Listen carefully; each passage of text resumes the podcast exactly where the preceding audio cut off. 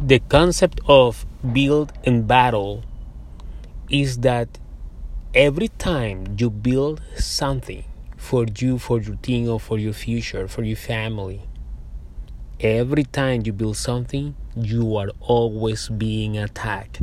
You are always being fought.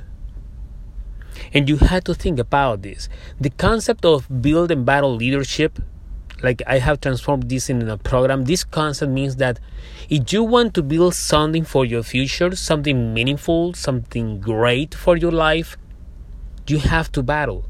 You have to fight. Because remember this people are always fighting. People fight people because they're building something great, something meaningful. And you have to be aware of that. You have to awake because you cannot only building, building, building without fighting. Because there will be people who will try to kill your destiny. And the only way that they can kill your destiny is you let them kill it. So that's why it's very important. You have to learn how to build a business. You have to learn how to build uh, your skill. You have to learn how to build your future, to build your dream, to gain the insight and tools that you need to build something for you, something for your future. But at the same time, you have to gain the insight and tools to battle against conflict, against opposition. Because believe it or not, you're going to face opposition.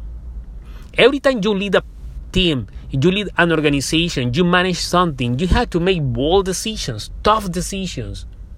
Because there will always be conflicts in your life, and you have to make decisions to battle those conflicts.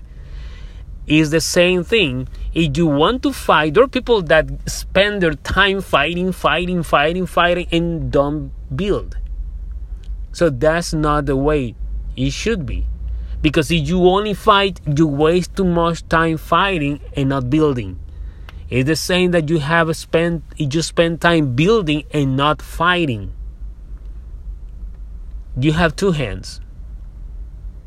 One to build and the other hand to fight.